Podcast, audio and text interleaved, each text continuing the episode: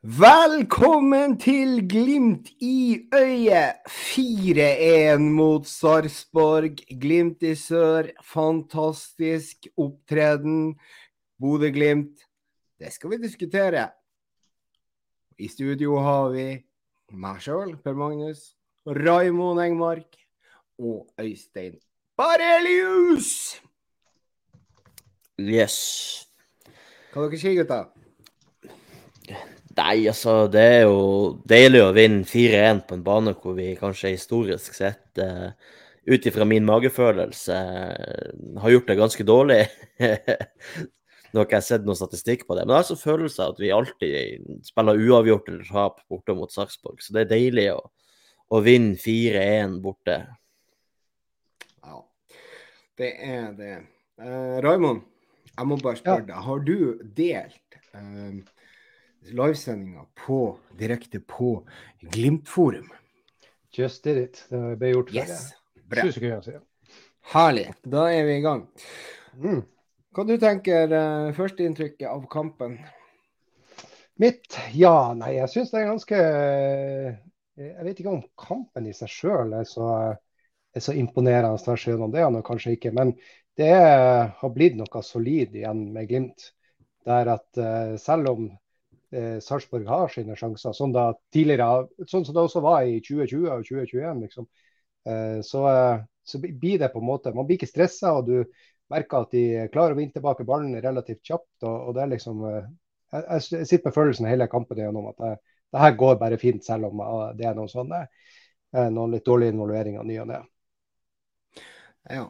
Jeg var så heldig at jeg klarte faktisk å få meg intervjuet til Kjetil Knutsen etter kampen. Og der har han jo en forklaring på at det ikke kanskje satt helt. At vi måtte egentlig helt ned i kjelleren. Vi må huske på at vi spilte jo kamp mot uh, og har hatt en reise uh, etter uh, Hvor mange dager siden det er? Er det tre? Jeg syns vi har podda hver dag her nå, så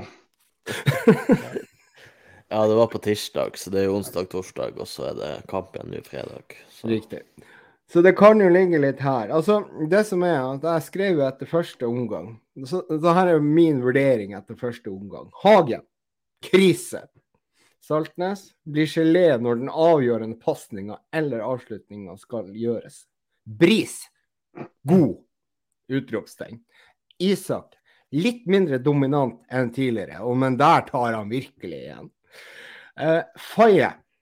Der, der har jeg skrevet Gleder meg til haiken kommer tilbake. Han hadde et par sånne eh, halvveis involveringer. Hugo, usynlig, men mål. Pelle, upresis, men mål.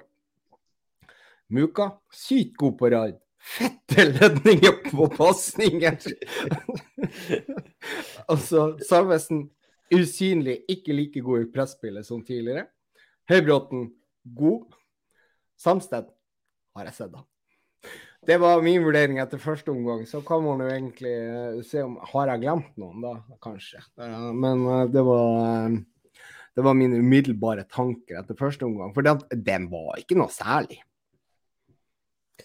Nei, altså i hvert fall de første 10-15 er ikke noe særlig. Så kommer vi mer inn i kampen etter hvert. Og jeg syns jo Jeg syns som Raymond sier, det, det, er noe solid over Glimt, men Altså, Ødegaard har jo en i stanga på 0-0, og Heinz alene har vel en fire-fem avslutninger de første ti minuttene av, av andreomgangen. Så, så jeg syns egentlig både i første og andreomgangen så, så, så går Sarpsborg ut med, med, mye energi, står høyt, skaper sjanser, og er, det er bare små detaljer, og marginer, unna å, putte på det ene og to og tre på oss, eh, egentlig. Så eh, Mm. Uh, så det, så det er men, men, men, liksom etter det, de åpningsminuttene i hver omgang, så syns jeg Glimt tar mer og mer over. og at det, det, det er noe solid over oss, selv om det ikke spruter helt. Det, det, det er det. Ja, eh, jeg tenker jo at det er jo noen spillere som har stakk seg ut for meg, både positivt og negativt. Jeg vil jo si, eh, kanskje Til å begynne med så syns jeg jo Eh, Amundsen hadde en ganske dårlig første halvtime, i hvert fall til han var der. Men så spiller han seg stort opp. Men, men den første halvtimen så driver han på med mye sånn småpasningsspill og, eh, og, og, treffer ikke med avleveringene sine. og Header ned i, i, liksom, i, beina på mannen som står tre meter unna. Liksom. Det, det, er mye rart der. Men spiller han seg opp, og liksom andre gangen så er han bra. Han slår jo den bakgrunnspasninga igjen til Muka, som blir da en hockeyassist på Salvesen sitt mål. Eh, og så syns jeg jo også Jeg syns jo Glimt er prega av at vi har Faye Lund i mål. Eh, normalt sett så spiller vi veldig mye via keeper. Nå gjør vi det nesten ikke. og Det er jo en, er en fordel når vi står høyt, for at eh, da holder vi ballen høyere. Men når vi skal spille oss ut dypt, så eh, er vi ordentlig prega av det. Fordelen med Faye Lund er at han slår jo bra med både høyre og venstre. Det var jeg ikke klar over. Og så kan jeg ta Hagen, da. Det er litt sånn eh, himmel og helvete der. For han er han er veldig, Det har Øystein før har påpeka, det her med at han drar seg eh, bak eh, pressleddet og, og, er spillbar der. I dag gjør han det veldig bra. Og eh, trer opp ut til vingene og liksom er en grei ballfordeler der. Ja, Men gjør ikke han det på slutten av andre omgang, da? Nei, altså, han gjør, det. Nei, gjør, gjør, det, gjør det gjennom hele også. Store deler av kampen. Men så der er han sånn uh, over middels god i dag. Men så på det defensive så er han til gjengjeld veldig pinglete, syns jeg. og for på det her, eh, Jeg så et løp som en, eh, førte til en stor sjanse. Jeg husker ikke, Det var vel i andre omgangen. Eh, det er sånn typisk Hagen. Slipper en mann bak ryggen, og så han får motta ballen på sånn 14 meter helt alene. Det, så det er sånn himmel og helvete på han da. Ja, for jeg telte i starten av første omgang, så skapte altså en feil, eller et dårlig press fra Hagen, tre relativt OK sjanser for Sarpsborg. Eh, og ja, Det var rett og slett det her at du går, og springer ved siden av. og Som defensiv midtbanespiller så kan ikke du gjøre det. Og Det er akkurat det, derfor jeg er så sinnssykt glad for at det har kommet noen rykter. Vi kan jo snakke litt mer om det etterpå. Uh, rykter Det er vel ikke bare rykter? Det er ikke bare rykter, men uh, han Sakariassen har jo bekrefta at han har fått godkjent bud. Så. Ja. ja, altså jeg Grønbæk jeg er jo fotografert i Bodø i dag, så det er jo så, ja, ja. så, så mye vet vi. oi, oi, oi, oi, ikke sant. Så, um, men ikke for å jinxe. Vi, vi, kan jo, vi kan jo si det sånn at vi, vi, tror jo at det her kommer til å gå i orden. Men skal vi ta det etterpå, eller skal vi ta det nå? Jeg kan jo bare, ta det etter kampen. Ja. Ja, ja, vi kan... ja. OK, greit. Uh, ja, OK, fortsett på Hagen, du. Jeg Nei, det, jeg syns ikke det er så mye mer å si der. Men det, men det er litt sånn, eh, det er derfor jeg sier det at han er jeg, jeg ser for meg han stadig som en god indreløper, men ikke som en så god sentral midtbane. Akkurat det jeg også tenker. Altså, Jeg tror Hagen kommer til å kanskje være øh, kanskje bedre Kan, kan jeg si en ting her? Så, så ja. Jeg har brent inne med en stund. Ja. Eh, sentral midtbanespiller som alle tenker skal være der, som har de kvalitetene han har, som gjør det greit på sentral midtbane, men, men har kanskje ikke edgen. Eh, og så jeg flytta opp på indreløper og er nå en av Glimt sine beste spillere. Hvem er det? Du, du må ta det en gang til, for jeg satt og leste kommentarene til Stian Aas. Uh... Det er jo Hugo Vetlesen, det. Nei, det er Nei, Saltnes. Saltnes. Okay. Gikk, gikk har mye av samme kvalitetene og gikk akkurat samme veien. Nei, altså sant, Der er det jo litt sånn Uldik i dag. Han kommer til ekstremt store muligheter, men det er akkurat sånn at uh, Hva man skal si Altså, Husker dere den uh, alle, alle har jo sett Friends. Sant? Ja. Chandler, når han skal ta bilde, så, eh, så ser han jo helt normal ut. Alt går fint helt frem til han skal ta bilde. Ikke sant? Og da ser det helt grusomt ut. Og så tenkte jeg på Ulrik i dag. Han, alt går egentlig ganske fint. Løpet er bra, posisjoneringa er bra. Men når pasninga Nei, når han får ballen foran mål, så er det plutselig da er det tomt. Da, det, da, da, blir han Chandler på bildet. For da kan han ikke gjøre noe som helst. Og det, det tenkte jeg på litt. For de sjansene til Saltnes i dag, det er, jeg tror det er 400 sjanser der hvor det brennes. Noe så inn i granskauen. Enten så går det i flokk, eller så går det hit og dit. Og det er jo noe som vi har snakka om tidligere. Men, men det kommer veldig til syne i dag. Øyvind her sier akkurat det jeg tenker. Ja. At uh, Ulrik, uh, Ulrik, var på ellers. Ja, ja, han var på ellers. Men det er Chandler også på ellers. Men når han skal bli tatt bilde av, så, så, så blir det bare tull. Jo, men jeg syns det er betryggende at han nå i større grad enn tidligere i sesongen går på de løpene inn i boks. Han er i avslutningsposisjon. Han er, han er mye mer involvert i det som skjer for Glimt offensivt, Ja, ja. enn det han var i første halvdel av sesongen. Så, så jeg syns Ulrik har kommet i gang, og det er ekstremt godt å se. Fordi at han, han er kanskje den ute på den banen der som vet best hvordan Kjetil vil ha det. Mm. Han har en Altså, han, han ser jo ut som den klysa av den hestekuken å spille imot, men du elsker han på laget ditt. Og når han er i slaget, så er han fenomenal. Så det Ja, men Ja, jeg, og, jeg og tror det her med klyseriet, det har vel Tagseth også eh, snakka om. Så det er Men jeg ikke tror det der går litt på at eh, han eh, Saltnes har, vært, har ikke vært i toppform. Eh, Nå har han fått eh, Nå har han kommet i god nok form til at han klarer å gjøre jobben ute på banen. Men han, eh, så er det noe med det hvilken puls har du når du kommer i avslutningsposisjonene. da. Eh, får han de siste 10% av formen på plass, så, så går den pulsen litt ned. og Da klarer han å gjøre bedre avgjørelser når han kommer i. Så han, jeg syns han er på rett vei. Ja, absolutt. Han er på rett vei. Og det, det er egentlig det er akkurat det siste der som må på, på plass i dag. Men så er det jo da som Bjørn Einar sier. For meg så var Bris Bodø-Glimts beste og banens beste i dag.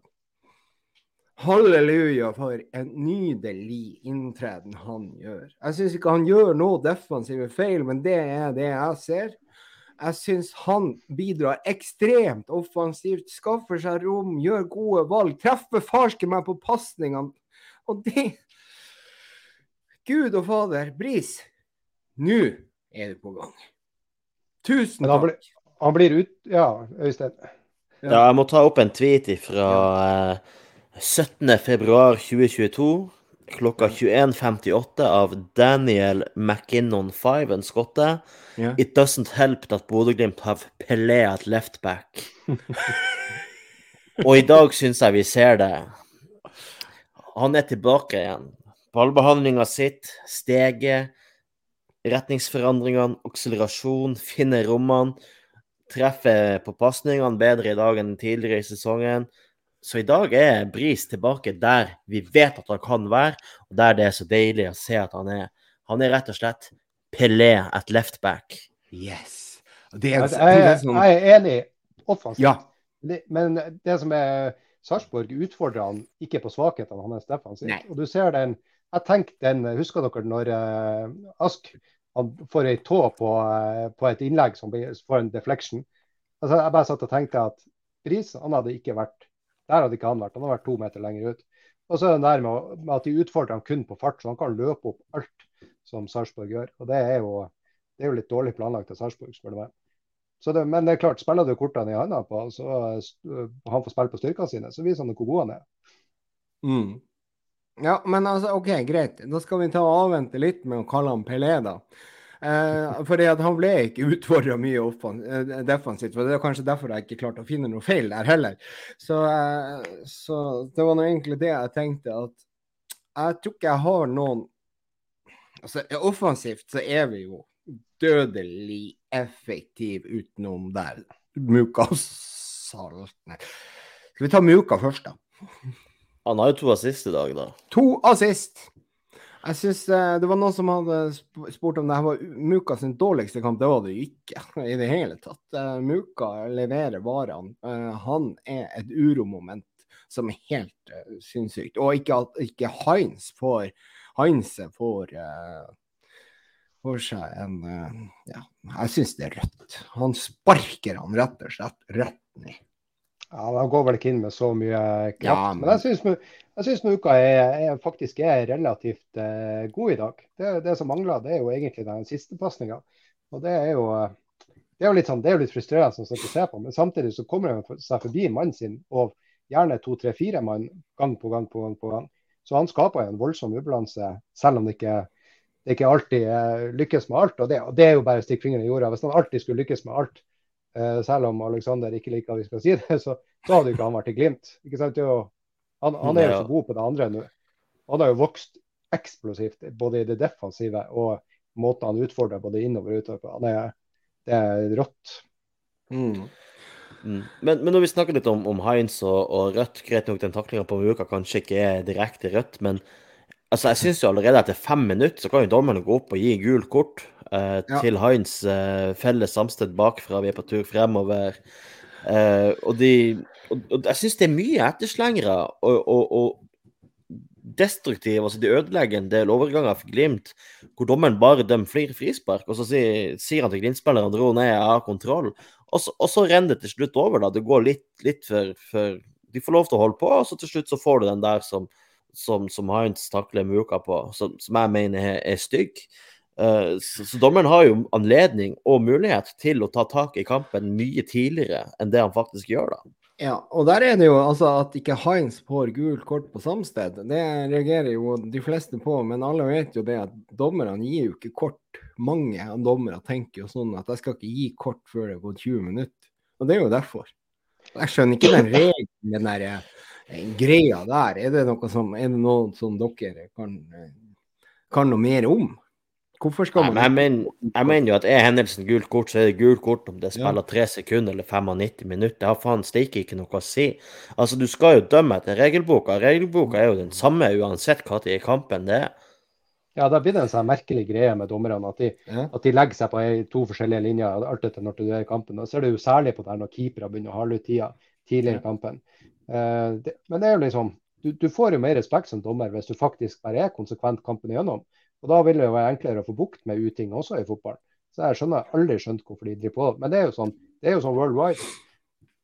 Her er jo da uh, vår eh, tidligere podkaster som eh, nå har valgt å flytte til Syden. han er konstant der hele sommeren. Så han blir sånn der klimaflyktning eller hva det nå er. Nå er det jo sikkert 30 grader i Oslo, jeg vet ikke hvor mye det er på hvor han er nå? Kroatia. Han er faktisk i Kroatia. Han skal reise hjem før Glimt kommer. Ja, det er fantastisk. Det er så dyrt. Ah, ja, OK, greit. Men uh, han har i hvert fall sett kampen. Rent gjerne dommeren. At ikke Sarpsborg 08 eh, står med fire-fem gule etter at han klipper ned Bris med flere, er jo utrolig. Ja, det, det, ser du jo. Men Sarpsborg har vel alltid vært sånn. Og så er det sånn der inneboende sinne der i Østfold. Jeg har jo kan bare ta en liten sånn kort historie. Det var en som kasta stein på bussen eh, til Glis etter at vi hadde spilt uavgjort der. Var det det? Ja, uavgjort. Vi bomma på straffespark på overtid. Ja. Og Da var det en, en sarping som presterte å kaste stein. Han hadde unger med seg også, så kasta han stein på Glisbussen. Det er fantastisk. Så Det ligger litt sånn latent i området der at det, det skal liksom utageres på en helt annen måte enn hva kanskje vi er vant med. Men sånn, til Sarpsborg sitt forsvar, egentlig, så, eller forsvar og forsvar, det er jo Forsvaret som er problemet deres. Eh, du ser jo det Pellegrino-målet. altså Det er jo, det kan jo like godt skåre selvmål. Det er jo helt ellevilt. Saletro ja. sitt eh, er jo også det, altså det er jo å gi bort målet. Og Selv om det, mm. det kan være litt vanskelig å se, men når man ser det i reprise, det målet som Hugo skåra der, der er han Ødegård. Han, er altså, han markerer en spiller med to andre. I lag med Utvik og en til.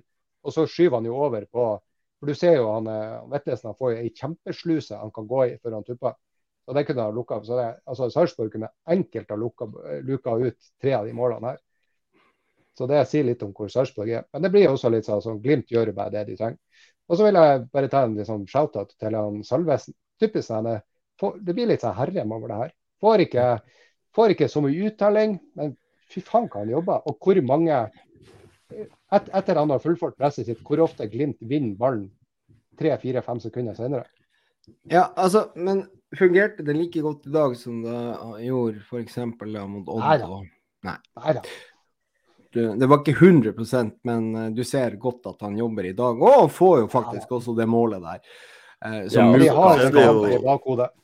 Og så er det jo flere ganger at, at uh, midtstopperne til Sarpsborg bare slår ballen til icing i stedet for å for å risikere å miste ballen. Ja. Det er jo pga. presset til Salvesen. Så selv om vi ikke skaper like mange brudd eh, som vi gjorde mot f.eks. Odd, så, så syns jeg du ser resultatet av jobben han legger ned uansett, fordi at stopperne eh, ikke, ikke, er komfortabel med det, ikke klarer å spille av seg presset i, i, i samspill med junior og Saletros sentralt der. Uh, og, da, og da får jo Glimt ballen tilbake igjen, selv om man ikke finner den på øverste tredjedelen, men, men, man bare får den, og så kan Glimt begynne å rulle. Og det syns jeg var interessant å se i dag, egentlig, at Glimt var bedre imot lavtliggende Sarpsborg enn da, i de periodene Sarpsborg uh, sto høyt. Det er jo i motsetning til det vi har sett tidligere. Ja, er den jo det, da? Vi er jo vant ja. nå til å spille mot lavtliggende lag, og Knutsen sa jo også det i intervjuet etter kampen at vi trodde, eller guttene på banen trodde at vi spilte mot en femmer, men det var ikke det. Så det var en firer. Bak. Ja, men, men, men, men jeg syns eh, Glimt har jo vært mye bedre tidligere eh, når, når laget har kommet med en litt naiv innstilling og prøvd å presse ja. Glimt høyt. Så har man spiller av presset, og så har man skapt eh, ubalanse. Mens, mens, i dag så er, skaper Glimt de største mulighetene egentlig når, når Sarpsborg faller ned i det lave presset, og, men, men, ikke klarer å opprettholde noe press. De bare ligger, de bare ligger lavt. Det syns jeg er interessant. De best, de ja, men det er jo er ikke det også da i form av den jobben som Salvesen gjør, da? Kan vi, kan vi linke det opp sånn, da?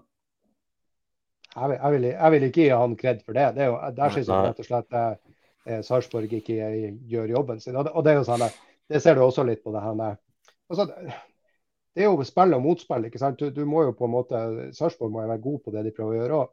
Og det er det ikke når de bare står med linje på 16-meteren. Og Det samme er der man Hagen kommer seg fri. Ofte så er det to spillere som går sånn halvhjerta i press på midtstopper som fører ballen. og så, så Sarpsborg er altså, Det er ikke imponerende sånn taktisk i dag. Nei. Og så er det jo det at uh, vi har jo Faye Lund i mål. Skal vi ta en liten prat om han også? Kan dere starte? Ja, han hadde, han hadde, jo en litt farlig retur tidlig i kampen, men, men jeg syns han gjør det bra på, på strek. Eh, og tidvis i, i igangsetningene. Men, men, når Glimt ligger og ruller fra side til side bak og prøver å finne åpningene, så, så syns jeg av og til at han Eller du, du ser at han, han, er ikke like god som haiken med ball i beina, og så syns jeg han mm står ikke like høyt i den sviperrollen som det Haiken bruker å gjøre. Han, han, er litt mer kanskje tradisjonell keeper, da. Det holder seg litt mer i, innenfor 16 og, enn, det, enn det Haiken gjør, som ofte står utenfor 16 og er klar til å avverge lange, lange oppspill osv. i bakrommet. Du ser litt på kroppsspråket hans også. Han er, han er veldig rak i ryggen og stiv i armene når han driver og spiller de pasningene bak. Mm. Du ser han ser ikke komfortabel ut. Men så bortsett fra den returen der, som skuddstopper, så viser han jo akkurat hvor god han er. For han er jo der han, han skal være. Og den uh, avslutninga fra Heinz er jo litt sånn jeg kan, ikke, jeg kan, ikke, helt se at han skulle ha hatt noe Det er bra å sette den opp under nettaket fra den vinkelen der, sånn som han kommer inn. Så uh, selv om Samsted og, og Amundsen lager jo for så vidt et litt begrensa område hvor han kan avslutte med, når de begge to går i press, men likevel kan ikke laste han for den, føler jeg. Ja, eh, altså det, det, er jo da Selvfølgelig så er det mye å gå på på, eh, på på, det her med å få tryggheten når du skal spille ballen eh, langs bakken og til en medspiller. Eh, helst bekken. Eh, det er jo da at eh, når han får den ballen og er litt pressa, der hvor vi er vant til at uh, haiken tar en dragning, eller at han uh, slår den til bekken, så smekker han den opp, og da mister vi den stort sett hver gang. Og da kan Sarpsborg begynne på nytt. Og det er noe som Faye må jobbe med hvis han skal stå i mål for Glimt. Uh, men det tror jeg kommer, da. For uh, uh, det her er jo noe som også haiken har jobba med. Ja. Hva var det for, forrige spørsmålet vi hadde? Vi rulla litt kjapt forbi. Ja, Nei, det var, var, en kommentar om Solbakken var på benk, men jeg tenkte det her var mer relevant til, til diskusjon. Uh, Øyvind korrigerer meg der. Uh, det var i hvert fall ikke noe jeg så, så la merke til Øyvind, at han sto utenfor 16, men, men, men hvis du sier at han var, var, mer offensiv enn det jeg sier, så, så, kan jeg tro på det. Jeg tror også det var, han var jo ute et par ganger der. Eh, jo, jo, men det, det nytter ikke å stå høyt. Du må jo også du må være trygg nok på hurtigheten din til å rykke ut når de ballene kommer i bakrom. Du ser det med et par anledninger at både Høybråten og, og særlig Amundsen får et par baller over seg hvor, hvor det går an å komme ut og sveipe, men, men Faye Lund bare rygger hjem. Det er, liksom, det er ikke hans plass til der ennå, men det, det, kan jo bli det. Mm. Ja, altså eh, Solbakken var ikke på benken i dag, og hvor lenge er det til han er tilbake igjen? Det tror jeg egentlig aldri. Uh, jeg skal være helt klar på at jeg vil ikke ha Solbakken egentlig inn på det laget igjen. For jeg vil, vil at Muka ikke skal bli skada, og jeg vil at Pellegrino skal spille uh, venstreving. Så Solbakken kan kanskje ja, komme inn og, og, og hvis han har lyst til det. Jeg håper kanskje han har lyst til det, jeg vet ikke komme inn og, og eh, spe på med litt, eh, litt, moro på slutten av kampene eh, i høst. For han er jo på vei ut. Det er noe mer Har dere lyst på noe annet der? Nei, men gjerne en Solbakken er motivert og i form på benken. Men jeg er helt enig i at vi bør starte med de vi starta med nå. Altså. Men, ja, men tror du Solbakken er motivert på benken? Jeg vet ikke, han har jo ikke signert for noen nye lag ennå. Så eh, per, per nå så har jo han hatt en nedadgående kurve i et år. Og det, og det var liksom igjen etter en kjapp oppadgående kurve. Så, ja. Nei, jeg, jeg, jeg, ser ikke Solbakken som noen Guds gave til fotballen. Så, eh, og ikke Guds gave til, eh, med, til medieavdelinga i Glimt heller. Så det, det Akkurat det der, det henger fortsatt med meg. Uh, han, kan, kan, vi ta en ting at uh, ja? registrerte at uh, Sugel ikke ble, ikke ble bytta inn i dag, men uh, Komson og Sørli ble det. Ja, men hva med det, da? Ja, altså, kan, kan, det være fordi at de skal ha minutter i, i beina og føle på det å spille kamp når de kan spille mot Zagreb på tirsdag, men Sugel ikke kan det? Uh, tenker Sjuge. det kanskje er noe Sjogel Så kan, tror kanskje det er et moment i da. Altså Hold, hold dem som en del av Hvordan føles det for dere når Vetti kommer inn? For det blir jo litt sånn Nå samler han medaljeminutter, tenker jeg på. for det er jo litt sånn Det er jo ett, et halvt, to minutter å få spille. Så, det er jo, det er, så der er det jo bare irriterende som fotballspiller.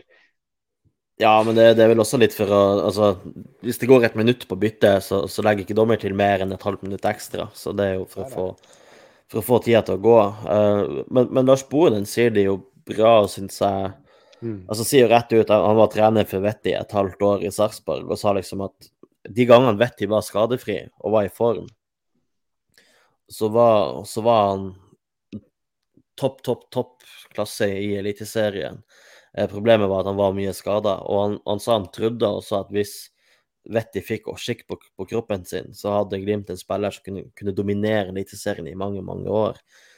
Eh, men som sagt, altså gi han to minutter, det, det, det, det gir jo ikke oss noe, noe grunnlag for å, for å kommentere han, han, som spiller eller hans innsats. Det, gjør det jo ikke. Nei, ikke sant. Og da er det jo det at uh, nå tror jeg det er på tide å pakke ut uh, gaven fra Danmark. Nå klarer ikke å vente lenger. Ja, kjør på. uh, Betty kommer til å være nummer tre på sentral midtbane.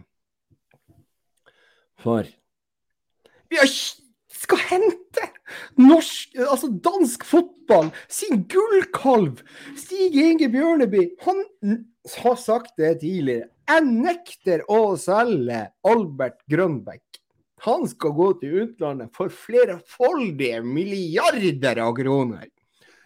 Eh, Stig Inge Bjørneby er altså da sportsdirektør i AGF, for dem som ikke vet det. Eh, og da er det så gøy og fantastisk og nydelig at vi som Bodø-Glimt klarer å hente en spiller som han har så tro på. OK, han er 21 år, OK, det snakkes om summer på 26 millioner, men sant, nå har man jo hørt litt i løpet av dagen at kanskje det er AGF som overdriver den summen for å forsvare at de har solgt han. Men eh, det vet vi ikke noe om, og det kommer vi mest sannsynlig ikke til å se noe om før vi får eventuelt et regnskap fra Glimt i eh, januar 2023. Men eh, kanskje da. Eh, men, eh, men allikevel, det her er altså en sånn hylle som vi aldri kan kunne tenke oss å hente på. Salvesen var en hylle som vi aldri kunne tenke oss å hente på. Egentlig også kanskje hvis du skal si Espejord. Men nå begynner det å virkelig, virkelig ta. Det er en av Nordens største midtbanetalenter. Eh, så vi har tre, tredobla overgangsrekorden med Salvesen, og så gikk det i uke, så dobla vi den overgangsrekorden på nytt igjen. Ja, hvis det er riktig. Mm. Ja. Altså, ja, jeg har ikke hørt uh, AN sin pod, men Freddy Tores var helt i 100 på denne overgangen på AN sin pod. Ja, jeg var helt i 100 når jeg så det. Det. det. har jo vært rykter om Albert Grønbæk i, i, januar, men, og egentlig litt sånn tidligere i år. Men Stig Inge Bjørneby har jo bare flirt av budene til Glimt, og nå plutselig så har vi dem. Uh, så det er det er ganske fantastisk. Og da er det jo litt sånn, sånn at, sånn som jeg sa, vi hadde jo en sånn liten adhoc-sending mens jeg var på jobb i, i formiddag. Jeg satt og jobba samtidig som at vi hadde en livesending på Twitter. Det var faktisk litt gøy. Med Jørn, og, og da var jo han Stian Aas med, og et par andre som kommenterte. Og, og det, som, det som jeg sa, sa da, det er jo det at økonomien i det her. ikke sant? Det er mange som reagerer på at oi, nå har Glimt sprengt en skala som kommer til å ja, ødelegge for, for oss i fremtida. Men allikevel, det her er noe som Glimt egentlig må gjøre. For vi har ikke tid til å kjøpe de spillerne fra Obos for 2 millioner, 3 millioner kroner. Vi har ikke tid til det. Vi må ha spillere som kan eventuelt levere med en gang, og det håper jeg virkelig at Grønbekk er da og han er sentral midtbanespiller. Og så er det jo det. En, bare én ting til før du, ja. før du skal få fri mikk. Og så er det jo det at det frigjør jo også mulighet. Altså det gjør en mulighet for at vi eventuelt kan selge Vetlesen f.eks. til en pris mellom 60 og 80 millioner, hvis vi skal si det sånn, i januar. Hvis det nå eventuelt er sånn at han har lyst til å gå, og at budet er godt nok så kan vi gjøre det, fordi at da har vi dekning på indreløperplassene, også i form av eh, Hagen, som kan gå inn der. Ja. For Det er jo en tredelt sak der. For Det, ene er kjøpesum, det andre er, er, lønn, og det tredje er jo på en måte hvordan han skal disponeres i Glimt. Eh, så det er, det er, jo egentlig tre diskusjoner igjen, igjen det der, tenker jeg. Og ja. akkurat det der om hvordan posisjonene spiller i. altså Jeg bare har sittet og leta litt sånn på på, eh, for å se hvor han har vært spilt på banen. og det, det, har vært mye bredt på venstre, ser det ut som. Uh, mens Transfermarkt oppgir han som sentralen midt. Jeg ser jo ut av de som er på, uh, på midtbanen til Glimt, så er det jo Hagen som er svakest. Og ja. med god margin òg. Uh, sånn er det jo bare. Det må man jo stikke fingeren i jordet på, uansett hva man mener om, om Hagen. så det, jeg tenker jo kanskje at, at han Grønbæk skal, skal inn. Og så på sentralen mitt, Saltnes og Vettnesen står. For jeg tror ikke Glimt selger Vettnesen og tar inn eh, Grønbæk der. For da eh, det tar tid å, å komme seg inn i Glimt-systemet, og da vil jo fort Glimt være svekka med den tida vi går i møte. og Det tror jeg ikke Knutsen tenker på. Men han kan være potensielt salg til sommeren igjen.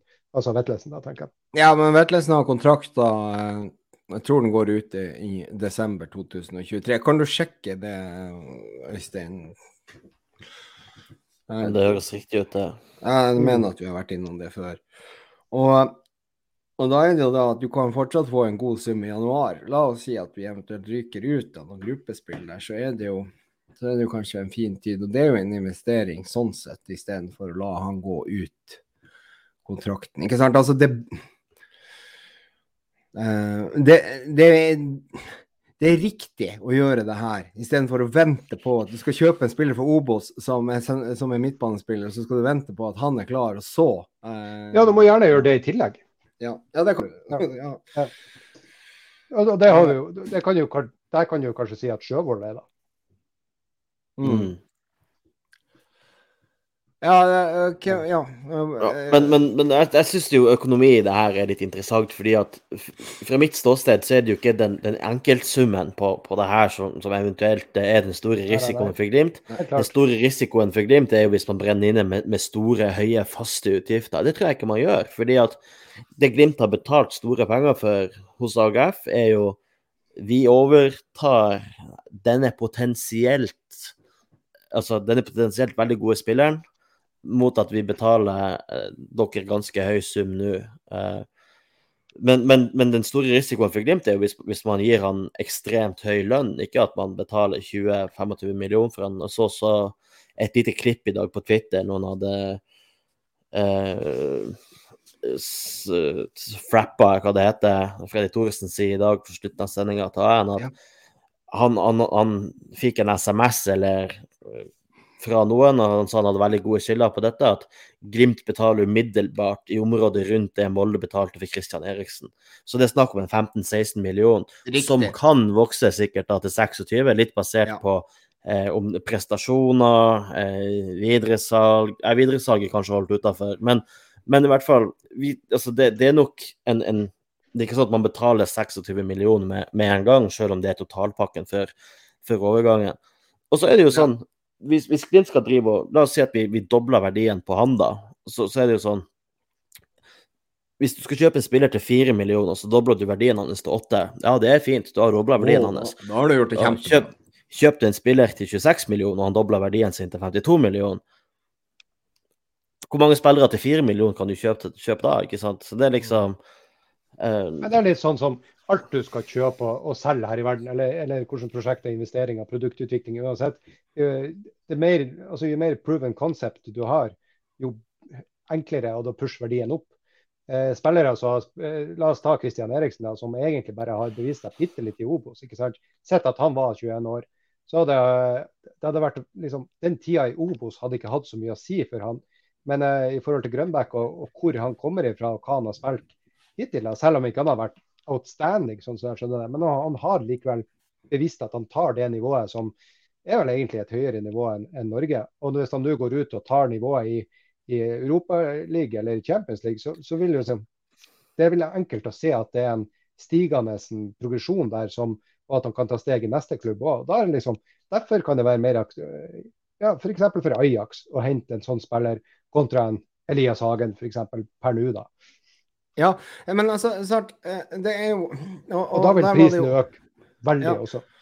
Men liksom tilbake igjen til Øyvind uh, Svanberg Bytting kommer. Grønbæk ville til Glimt og ikke til Brønnby. Og det er jo selvfølgelig Vi kan lokke med Europa. og det, det, er jo akkurat der det Så kommer det inn det her tankene mine om lønn. Uh, og det vet jeg har vært Glimt sin politikk hele tiden. Jeg tror ikke de har gått bort fra det. Jeg vil, vil overrasker meg veldig hvis de skal betale en 21-åring fra Danmark veldig mye mer enn hva de andre får. Altså Lønnstaket i Glimt har vært uttalt tidligere, det er 1 million kroner i året. Og så er det pluss eventuell, og det her glemte man å nevne i den live Twitter-podden. Det er pluss eventuelle bonuser for europacupspill, noe som kan gjøre denne pengepungen ganske så OK. Eh, men det som er, signerer du for Glimt, så vet du at du er et utstillingsvindu. Du er i det beste utstillingsvinduet. Eventuelt om vi spiller Europaligaen eller Champions League, så vil du være i et veldig godt utstillingsvindu. Du vet at du har store sjanser jeg håper å si nesten garantert, proffgaranti, etter at du er ferdig i Glimt. Og Det er nok det Grønbæk ser etter. Han vil hoppe over den Belgia Nederland. Han vil videre til f.eks. Italia eller eventuelt England, Tyskland. Og, og og den tankegangen der, det er jo det spillerne må ha for at de skal ville til Glimt. For vi kan jo ikke betale 4,5 millioner i lønn, sånn som eh, eh, Molde betaler Christian Eriksen. Ikke sant? Altså, Der er ikke vi. Og det vil være helt egentlig feil. Fordi la oss si, får vi en sportslig nedgangsperiode, så vil vi stå der som idioter og betale spillere eh, som tjener altfor mye i forhold til hva vi klarer å dra inn av inntekter. Og jeg håper virkelig, og jeg tror det, at Glimt ikke går i den fella og begynner å betale de her eh, monsterlønningene som går på kontrakt på år på år på år. Eh, du ser jo ganske mange klubber som sliter med det internasjonalt eh, på, på, sånt. Barcelona, Manchester United osv. Så, videre. eh, så Så der kan man ikke gå. Og det er Jeg tror det er det de har gjort. Nesten sånn, jeg skal si 80% sikker på akkurat det. Men, men, for å si det litt flåsete, så, ja. så gjenspeiler overgangssummen Glimt betaler for Grønbæk, gjenspeiler jo den potensielle potensialet hans. Ja. Men så syns jeg lønna skal representere hans faktiske ferdighetsnivå. Uh, så, så, liksom Glimt sin store risiko er jo å brenne inne med investeringer, ikke lønna, tror jeg da. Det er i hvert fall sånn jeg ville tenkt, at liksom Hvis, hvis jeg drev butikken på Glimt Men potensialet og ferdighetsnivå henger jo da sammen. Du kan jo ikke se potensialet uten at det er ferdigheter der. Uh, det her er det på en måte er livet. Nei, nei, men ikke sant, men, men, men, men peak Runar Berg har jo mye høyere lønn enn talentet Runar Berg, selv om talentet Runar Berg ja, ja, ja. absolutt visste eh, prov på potensialet, noe som kan bli noe. Men det jeg tenker, det er liksom Jeg håper for guds skyld altså, for, for, å si det fra min side, jeg håper for guds skyld at Glimt er edruelig her. Jeg tror jo helst at de er det. Eh, litt redd for at, uh, for at det her går litt i samme stien som ryktene var rundt Kjetil Knutsen. Har det jo ikke kommet noen skattemelding, eller noe han het. Men, uh, Nei, men den lønna der er lavere enn hva de har Rosenborg ja, ja, det, det, at han får 8 millioner. Det får han ikke. Jeg, jeg, jeg, håper, jeg, håper, det, jeg tror det. Uh, men hvis du ser fra Grønbæk sitt perspektiv, hvis han hadde gått til Belgia, eller hvis han hadde gått, gått en, dit han både Face har gått, ikke sant? det kunne han ha gjort antageligvis. Uh, da ville sikkert han hatt en lønn på 4-5-6 millioner. Så ære være Glimt hvis de har klart å holde den nede. For at hvis de ikke har klart det, så tenker jeg jo, da vil jo alle som er gode i Glimt, sett at Grønbæk får 2,5 millioner i året. Jeg tror ikke han gjør det, men sett at han gjør det. Så vil jo alle de andre bli, fort bli litt sutrete. Og ikke sant, men... Det vil dra med hele lønnspolitikken. Så jeg, jeg tror det går bra, men eh, jeg tror ikke det har skjedd. Men, og jeg håper jo Glimt har brukt bonuser, sånn at så og så mye hvis de går videre i Europe League eller eh, eller Champions League osv. Når vi tjener penger, så kan du få mer penger. Det er liksom litt mer fair. Men, uh, men det er den ene tingen jeg er bekymra for. ja, men jeg, jeg tror ikke det som sagt at vi skal være så bekymra for akkurat det der. For det var akkur akkurat der Bodø-Glimt også trakk seg ut fra Christian Eriksen. For det at... jo, men hvis han får 4,5 i, i Molde, så har vi tilbudt han 900 000 da, liksom. Hva, hva, vi har tilbudt han, det må jo være en million. ikke sant? Altså Om det er 950 eller en million det er noe... men, men, poenget er det at da gikk ikke Glimt noe videre med det. Og den summen som Glimt trakk seg ut på, det var mye tidligere enn hva egentlig riksmedia vil ha det til. De har vurdert eh, situasjonen, og det var jo konsum også i, i, eh, i, en sånn deal. Og jeg tror det budet der var på mellom 7 og 8 millioner pluss konsum. Ikke sant? Så du kan sette markedsverdi på hva? To millioner, eller hva det nå er. Vanskelig. Ja, vanskelig å sette markedsverdi på han, men allikevel så er det jo da at Og den lønna, det hadde vi ikke sjans på. Og når det er snakk om 4,5 millioner, glem det! Ikke sant? Det er jo som vi sa i poden på eh, etter at vi fikk vite at Kristian Eriksen hadde signert for Molde, så var det jo sånn at at vi vil jo ikke ha han da. Altså, Hva faen skal, vi, skal han gjøre i den garderoben når de vet at det har stått i VG eller i Avisa Nordland at han tjener 4,5 millioner, og så sitter de andre der og tjener en fjerdedel av det? Eller eventuelt mindre. Så, så da, da, er det jo eh, Da blir det jo helt feil. Ja, og derfor tror jeg det, det har bare gått bra. Men det vil jeg jo også ja. skyte inn her at eh, jeg syns jo Hvis, hvis det her eh, overgangen går gjennom og lønna blir på en la oss si en million eller en kontor, så syns jeg jo ja. Eh, Molde ser jo fryktelig dum ut plutselig. De ser veldig dumme ut, fordi at de har også kjøpt en spiller for uh, så mye penger som egentlig ikke har en dritt videresalgsverdi. Det er i ja, hvert fall men... utrolig vanskelig å se for seg. Ja, det, det er sant. Ja, kanskje til Abu Dhabi, men da er det jo helst uten, uten ja, men altså, husk på de, de drikker jo ikke i Abu Dhabi, så, eh, så de kan å kjøpe Anne Christian Eriksen for noe mer enn det. Yes. Men vi har jo glemt litt av uh, Twitter i dag, gutta. Hvis vi føler oss, er vi litt ferdig med Grønberg, eller var jeg for tidlig ute? Nei, men OK, greit. Jeg skal bare spørre dere, har dere troa på at dette kommer til å bli en umiddelbar suksess? Og hvor skal han spille? Så jeg må, jeg må, inn og se treningskampen mellom eh, Glimt og Hourhouse fra Marbella før jeg skal uttale meg. jeg, håper jeg håper i hvert fall han går inn på sentralen mitt, og at vi får eh, Hagen som kan gå inn som en eh, backup både på indreløper og på sentralen mitt hvis det trengs. Det, tror jeg, det, det låter bra i mine ører. og Det er mye bedre å ha den konstellasjonen enn Anders Konradsen og Morten Konradsen som har hinka rundt og aldri, aldri blir skadefrie. Så, sorry, Mac, men det er jo realiteten. Ja.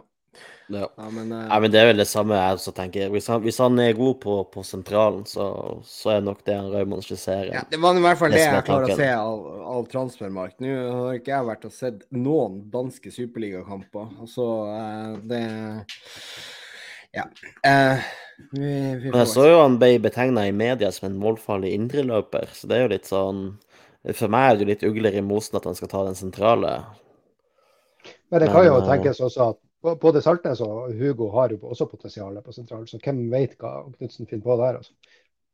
Ja, jeg håper jo det, at det her er en sentral midtbanespiller. In- det in- In Knutsen we, we trust, er ikke det de sier? Det, men han, han in Hagen, he, is trust. det var mm, det var god engelsk, det der. ja, ja, ja. Men da, dere, jeg skal bare spørre dere, nå har ikke vi avtalt noe på forhånd igjen. Skal vi kjøre den der Jet Elveren? Skal vi gjøre det, eller skal vi legge hele konseptet på is? Nei, vi kan kjøre Jet Elveren, vi kan ta det, ta det litt seinere. Kan vi ta litt, Ja, litt senere. Twitter-feedback i Ta- ta det på slutten. Ja, men da, da, har- da, har vi, da har vi gitt publikum muligheter til å komme med forslag på Jet Elveren. Og så vet jeg ikke helt hvordan vi skal velge det ut, fordi vi bør jo heller ikke ha noen favoritter. Vi bør jo egentlig så, Litt sånn dårlig konsept det her, men, men det er i, emning, og jeg liker det. Uh, så vi må finne et bedre konsept på å velge ut hva vi skal ta. Skal vi velge ut én person som skal velge uh, uh, Jet Elveren? Nei da, men, eh, men siste, siste på Grønbæk i hvert fall. Ja. Øyvind Mytting sier eh, AGF-supporterne jubler på deres forum for dette salget. Eh, så det er jo, det er jo litt spenstig. Så spørsmålet er det fordi at de blir kvitt Grønbæk, eller er det fordi at de får penger inn? Det er jo Det var ikke bra. Nei da. Men skal vi se, vi har jo, eh, vi har jo annonsert på Twitter også at vi skulle, skulle podde litt. Eh, Christian Paulsen drar jo opp eh, min eh, hero fra de siste kampene, Isak Helstad Baresi Amundsen. Eh, fy flate når han bestemmer seg for å gå med ballen, da det er ingen som stopper han. Mange gode pasninger og god og stor i forsvaret. Altså, Jeg syns det var så digg i dag. Han bare tar med seg ballen gjennom tre ledd og plutselig står oppe på hjørnet av 16 og slår inn mot Salvesen. Altså, hva faen er det som skjer? Det er liksom ja, det... Nei, men han sender vel også Sørli alene gjennom Eller er det Pellegrino? Han går igjennom ledd der og Mm. Ja, det, det- eh, det er vel sørlig, kanskje, at det er så sent i kampen. Mm. Han er helt sjef eh, i andre omgang. Andre omgangen, den er helt strålende. Det er helt fantastisk. Første Nei, altså, omgang var kanskje litt sånn Jeg kan si min børs på første 30 ville vært en firer på, Ja. på en time, opp til ti. Altså, mens jeg, etter hele kampen så kanskje han ligger på en sju eller noe sånt. Så han spilte seg i hvert fall solid opp i mine øyne. veldig Ja. bra. Og jeg vet ikke når i kampen det var det skjedde, jeg tror det var helt på slutten. Så, så har Helst Amundsen vært oppe, oppe og tråkla litt. Og plutselig så har jo Elias gått ned på stopperplassen til hans plass, og så ligger Isak da i, i den defensive på midten. Jeg syns vi, vi ser at han har prøvd å kunne Han har jo vært defensiv midtbanespiller eh, tidligere på andre laget eller i, på U18, så eh, så Jeg, jeg er litt skuffa over at, eh, at AN ennå ikke altså, de, de må jo adoptere det her eh, Brønnøysunds Baresi eh, snart.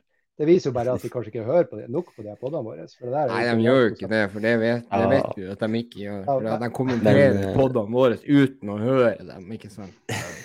Men, men Brønnøysunds Baresi er på tur å spre seg blant Glimt-fansen, og det er jeg veldig fornøyd med. Ja, PM for at det kommer skjorta.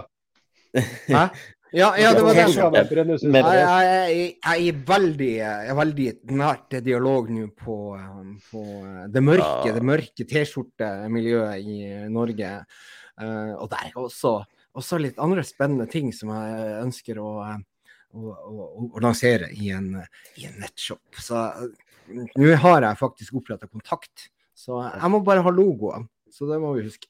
Se, Men, se eh, for dere en, en, en svart T-skjorte med gul Brønnøysund Sparesi og så sånn Amundsen i noe actionshot med det lange, blonde håret eller sånt, og i driv fremover. Jeg bare, jeg bare sier det. Jeg blir å kjøpe den. Uh, Ja, men det, Jeg, jeg, jeg bestiller en. Ja, det skal jeg òg. Ja. Og så skal, skal, skal vi også Men, men eh, OK, vi må bare ta den der Johan Anders Paulsen. Ikke sant? Altså, vi var, vi var jo pod med, med Stian Høgland, og det blir litt sånn eh, at du prøver å være hyggelig. Ikke sant? Når du har gjester. jeg tror du må ta foranledninga til det her. Ja, ta foranledninga du, for det.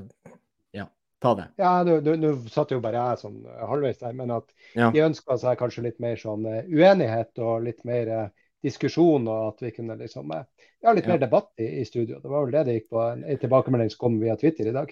Ja, riktig. Altså, og, og det, det, men det har vi jo diskutert litt tidligere. Og så har vi liksom sånn at, at i hvert fall når jeg har eh, gjester på besøk, så ønsker jeg jo liksom ikke gå til frontalangrep og drepe dem. Eh, og Stian er en veldig hyggelig mann. Men der var nå én her, det er Johan Anders Paulsen sier da. Ola og Brede skal kjempe godt for å få, få plass på det her laget. Og jeg mener jo det at Brede Mo bør virkelig ta seg sammen hvis han skal komme inn og bryte seg inn mellom eh, i, til fordel for, eh, for Amundsen. Det, det, det går ikke an at hvis Bre- Brede Moe nå er skadefri om eh, la oss si to-tre uker, så, så skal, kan ikke han gå rett inn på laget og skyve Amundsen ut igjen. Det er jo det som ble sagt i denne podkasten når vi hadde han Stian her. Vi var vel kanskje litt på, Noen var litt den veien. og Noen ville ha Amundsen, og noen ville ha eh, Brede. Men det virka vel kanskje som alle ville det samme når vi har fått prata litt. Så, Ja. men ja. eh, så, Men eh, OK, det var kanskje ikke bare Det var ikke det.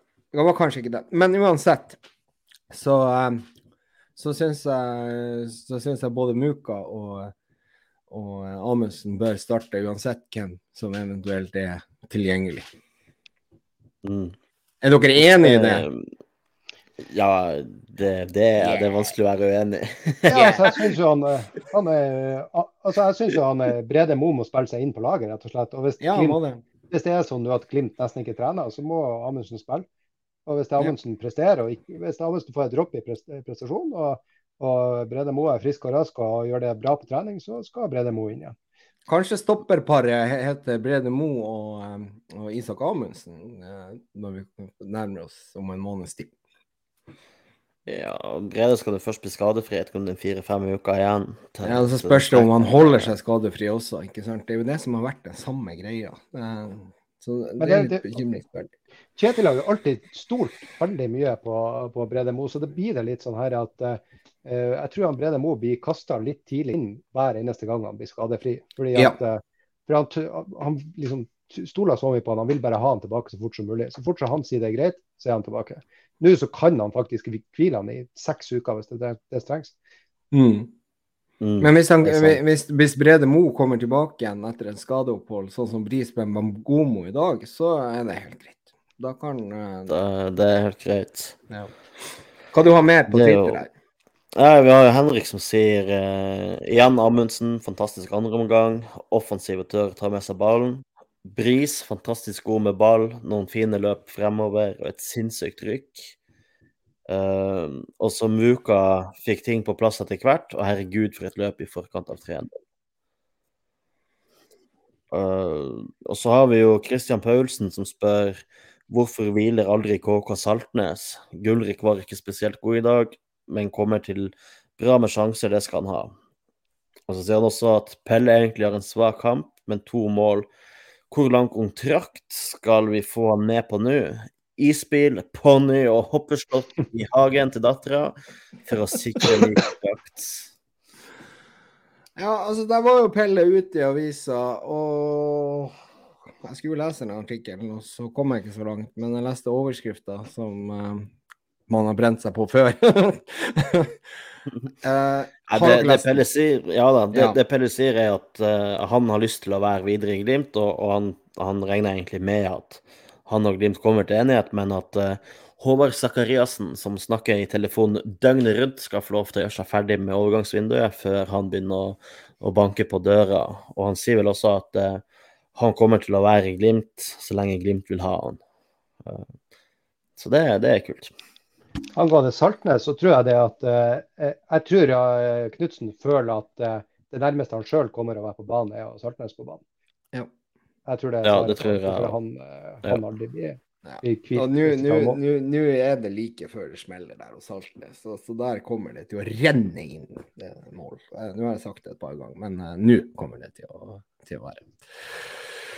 Så eh, Øyvind, du blåste du hele den her eh, eh, Mats har eh, foreslått Bodø-Glimt-Rosenborg 2015, og da har Øyvind svart. Så eh, da får vi ikke ta den. Så det er fint. Eh, Det var akkurat Men- i, akkurat i elva jeg hadde tenkt å si. Men OK, nei. Nå Altså, vi må forandre på konseptet. Nå, tenker, nå har jeg tenkt litt grann, eh, mens, eh, mens jeg prater. og da Ofte, ofte sånn det bruker å være. Ja. Og da har jeg tenkt det. At bedre, det er bedre konsept at vi gjør det sånn at en av oss finner et lag helt på slutten. Og så gjør vi det på den måten. Um, og da får vi velge ut den som skal finne en kamp. Og så, um, og så tar vi det helt på slutten. Jeg tror, Da kan dere si ja og, og, og nei, og så videre. Ikke sant? Sånn som hun, Ja. eh, Det er jo flotte damen eh, i, i, indre bane. Hun, ja, ja, ja. Da gjør vi det sånn. Da gjør vi det sånn. Eh, OK, Mm. greit. Eh, Da Jeg har et, et litt interessant spørsmål på Twitter jeg må, før vi må ta med. Uh, mye går jo i det samme, men, men her har Kenneth Sørensen spurt uh, Hvis vi får inn en ny venstreback, anser dere høstens stall som komplett, gitt at Albert blir klar? Eh, Nei. Hva mer vil du ha, P? Eller jo. Eh, hvis vi får en ny venstreback, og Samsted signerer ny kontrakt, så er vi der. Ja, jeg tror Samsted er, er ferdig. Jeg syns han har vært Jeg syns Samsted har vært svak i det siste, og Ja. tenkte i dag underveis i kampen Har Samsted hodet et annet plass? Har han gått i Solbakken-fella og signert kontrakt litt for tidlig, og bare sitter og venter på at millionene skal eh, rulle inn på konto 1.1? Stor sign-on-fee, lønning, kanskje litt mer eksotisk sted å bo. Vi har jo hørt om London og Haston Villa. Det var vel noe lag i Ligue Ø i Frankrike. Sitte nede på Rivieraen, eller hvor faen han skulle henne. Han skal ha ferie i, i, i fire år nå, vet du. Skal ikke spille noe fotball. Skal bare kose seg for dem. Det er kjempebra. Eh, skal bare si at eh, Nå har jeg gjort plassen til min og sagt jeg vil spille, her, så nå har jeg funnet laget dere to skal få lov til å gjette på. på Å ja, du har gjort det, ja. Suverent. Å, steike, nå er Ja, han gjør, Raymond gjør akkurat det vi DKK har savna fra enkelte. Når jeg se. sa i, i, dagens tidligere pod at uh, Chad Gibson kom i 1995, så har jo jeg blåst alt av eh. Men eh, vi må jo forklare Men- men- igjen men- hvorfor, hvorfor gjør vi det? Hvorfor gjør vi det? Vi må bare ta det først. Hvorfor gjør vi det? Fordi at Det for at eieren skal bli fornøyd. for at eieren skal bli fornøyd, for at ikke vi Ja. kan en dritt om Glimts historie. Historieløs. Det er sant. Ja, Riktig. Men jeg er jo sadistisk nok til å gjøre det litt vanskelig for dere. Så hold dere oi, oi. Ja, Det er jo det er perfekt. Men, eh, men jeg lurer på eh, vi, Siste til dagens kamp. eh, Men vi må jo snakke litt om, om oppmøtet i dag på, Ja. på bortebane fra, fra Glis og andre tilreisende. Jeg syns jo det var herlig ironisk når de sang 'Dette er Aspmyra'. Altså, det er jo det er jo ikke noe som runger utover Aspmyra engang. det er jo kun når Erlend Erlend eh, varmer opp publikum at, at den brukes nesten. Så eh, jeg syns det var utrolig gøy å se fullt eh, Kanskje ikke fullt, men det så, det så ganske bra ut eh, på TV, i hvert fall, de bildene. Ja, det så ut som at det var 600 der. Og de var gule. Og de var høylytte. Og- Ja, jeg hørte de, Men hørte de suverent best på TV. Ja, men, men altså, så hadde jo Eurosport prestert å stappe en mikrofon inn i tromma til han der som sto og dunka på den hele kampen. Jeg nesten like irritert på han som den jævla trompeten mot Sjalgiris. Eh, Jeg kan ikke forstå hvordan det går an. Altså, det her Sarpsborg-gjengen, det var altså traurige greier. De sto og prøvde å synge, men det var en tromme der som ødela alt. Så vær så snill, kan ikke dere prøve å få en lavere tromme? Altså, så, altså litt mindre lyd. Og så kan dere være så snill å få en sånn Altså, den takta og hva den er, jeg vet ikke. Men jeg var møkke lei den tromma. Og det ødela all den flotte sangen i enkelte perioder fra Glimt i sør, som faktisk står der og gir full gass. Dæven, det er deilig, det her. Eh, Barndomsminner fra Nordland fikk vi. Da var det jo frysninger. Og dette er Aspmyra det beste jeg har hørt. Det er terningkast seks. Ja. Bare Glimt i sør, lever. Nydelig. ja, i dag savner jeg litt bortetur med Glimt i sør i 20-25 grader, masse pils på dansegledebussen, kanskje en tur på Jams både før og lenge etter kamp ute i de sene nattetimer. Sitte og diskutere eh, både gamle og, og nyere Glimt-kamper og, og mer til. Så det er shout-out til, til Glis, og kan jo bare anbefale det for de som sitter og ser på, eventuelt hører på, når dere hører på. Eh, er dere i Oslo og Glimt spiller kamp, dra på Champs! Det, det kan anbefales. Og det, Men hør hør her. Hør er her. midt i Smørøya. Altså det er jo eh, Du kan kaste stein på deg fra Oslo S. Ja, det ligger i Oslo. Ikke, Det- ikke kast stein. Ikke, ikke gjør Det, det. det, hvis, du er. Vålerenga-supporter, så gjør det vel kanskje det. Men, men allikevel så er det jo da at um, du glemmer å nevne det viktigste som, som, eh, som skjedde i Glimt i øyet. eh, Øyet med i, i forbindelse med supporterne i denne kampen. Hva du glemte da, Øystein? Nei, han jeg tar Jørn som tok ekstra buss. Ja, det er ikke han Jørn, det er vår sponsor Og sponsor Adventure Taylor. Adventure Taylor. som satt opp buss på eget initiativ når Glisbussen var full. Og nå har jeg ikke fått noen, noe 100% tall, men det var nå ganske godt folk, eh, med folk i den bussen også. Så eh, da må vi takke vår sponsor igjen eh, for, eh, for at han satte opp buss. Og det kosta 17 kroner å være med tur-retur, altså akkurat samme eh, sum som Glis tar. De er jo fulle av penger etter eh, cupfinalen etter Glis, og det er jo også fortjent. Og det tilfaller supporterne. Jeg vet ikke hva det koster med tog frem og tilbake igjen fra Sarpsborg, men det blir vel en 600 kroner, det. Gjør det det? Jeg er helt på bærtur. Tur-retur Sarpsborg. Hæ? Det er i hvert fall mer enn 17 kroner. Ja, det er i hvert fall mer enn 17 kroner. Så eh, eh, veldig bra gjort av vår sponsor Adventure Taylor. Taylor. Så, Taylor. eh, Eh, så må vi få dem også frem i lyset, for de har hjulpet oss en del eh, i forhold til det her økonomiske. Bl.a. skandalen på Champs eh, under cupfinalen. Det Jeg ser Øyvind sier kjemp uten S, men eh, Ja, ja, men jeg sier ja, Champs. ja, det er champs jeg også har lært. Ja, ja. Mm. Ja, har dere noe, noe mer til dagens ca- camp? Nå er det så internasjonalt. har vi noe mer om dagens kamp? Jeg, jeg, må bare, jeg må bare si det at Lars Bohinen er jo kommentator i den kampen her, og det er jo det Han, han presterer jo faktisk å si når Glimt går opp i ledelsen, at det er litt ufortjent. Det syns jeg jo ikke. Eller?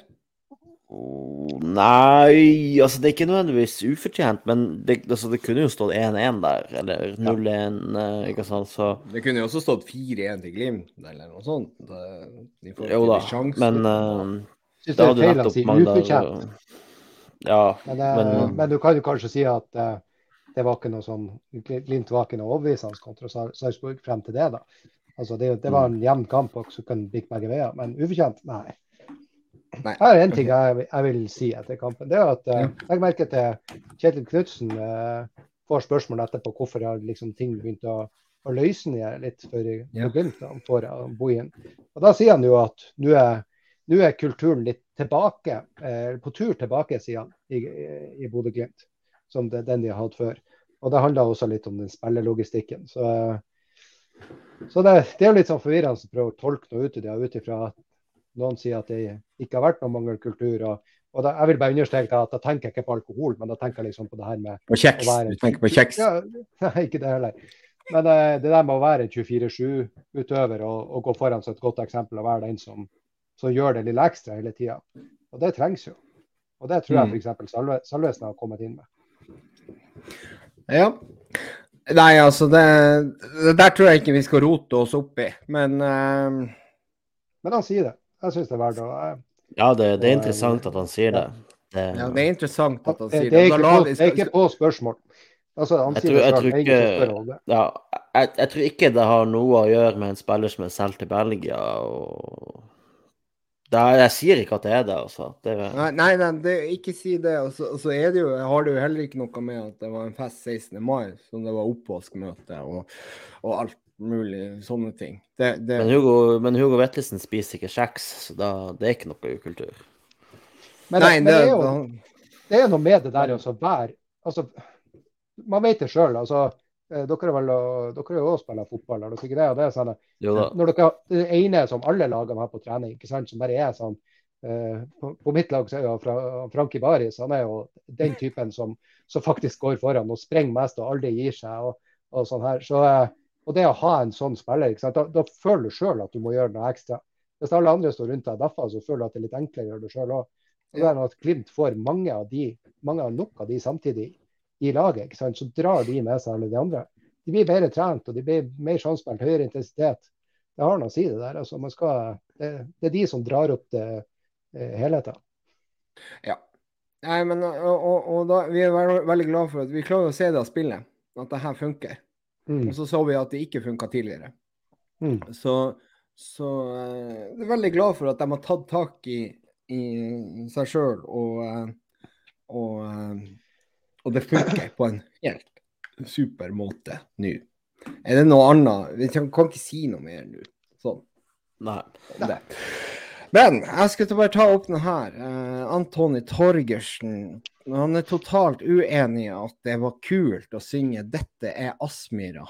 Uh, 'Dette er Aspmyra' skal bare brukes på Aspmyra. Det skal bare brukes på Aspmyra. Vi må ha eget kamprop, og jeg vet at vi fikk det skikkelig til i fjor. Så hørtes det helt Rønvika. Ikke stå og rop det på en stadion i sør. Det blir helt feil på det vi prøver. Altså, jeg syns jo det, det, så kan dere få lov å diskutere. Jeg, jeg syns jo det er humor. Og, og altså, det, er jo, det er jo bare Glimt i sør sin måte å si på Er det alltid så stille over der, og rette Ja. en lang finger til hjemmesupporterne, egentlig, når liksom vi, vi, vi, vi, spiller, ja, vi, vi spiller dere ut på banen, vi synger dere ut på tribuner, og jeg syns bare det er humor. Altså Det sånn er fantastisk også, humor.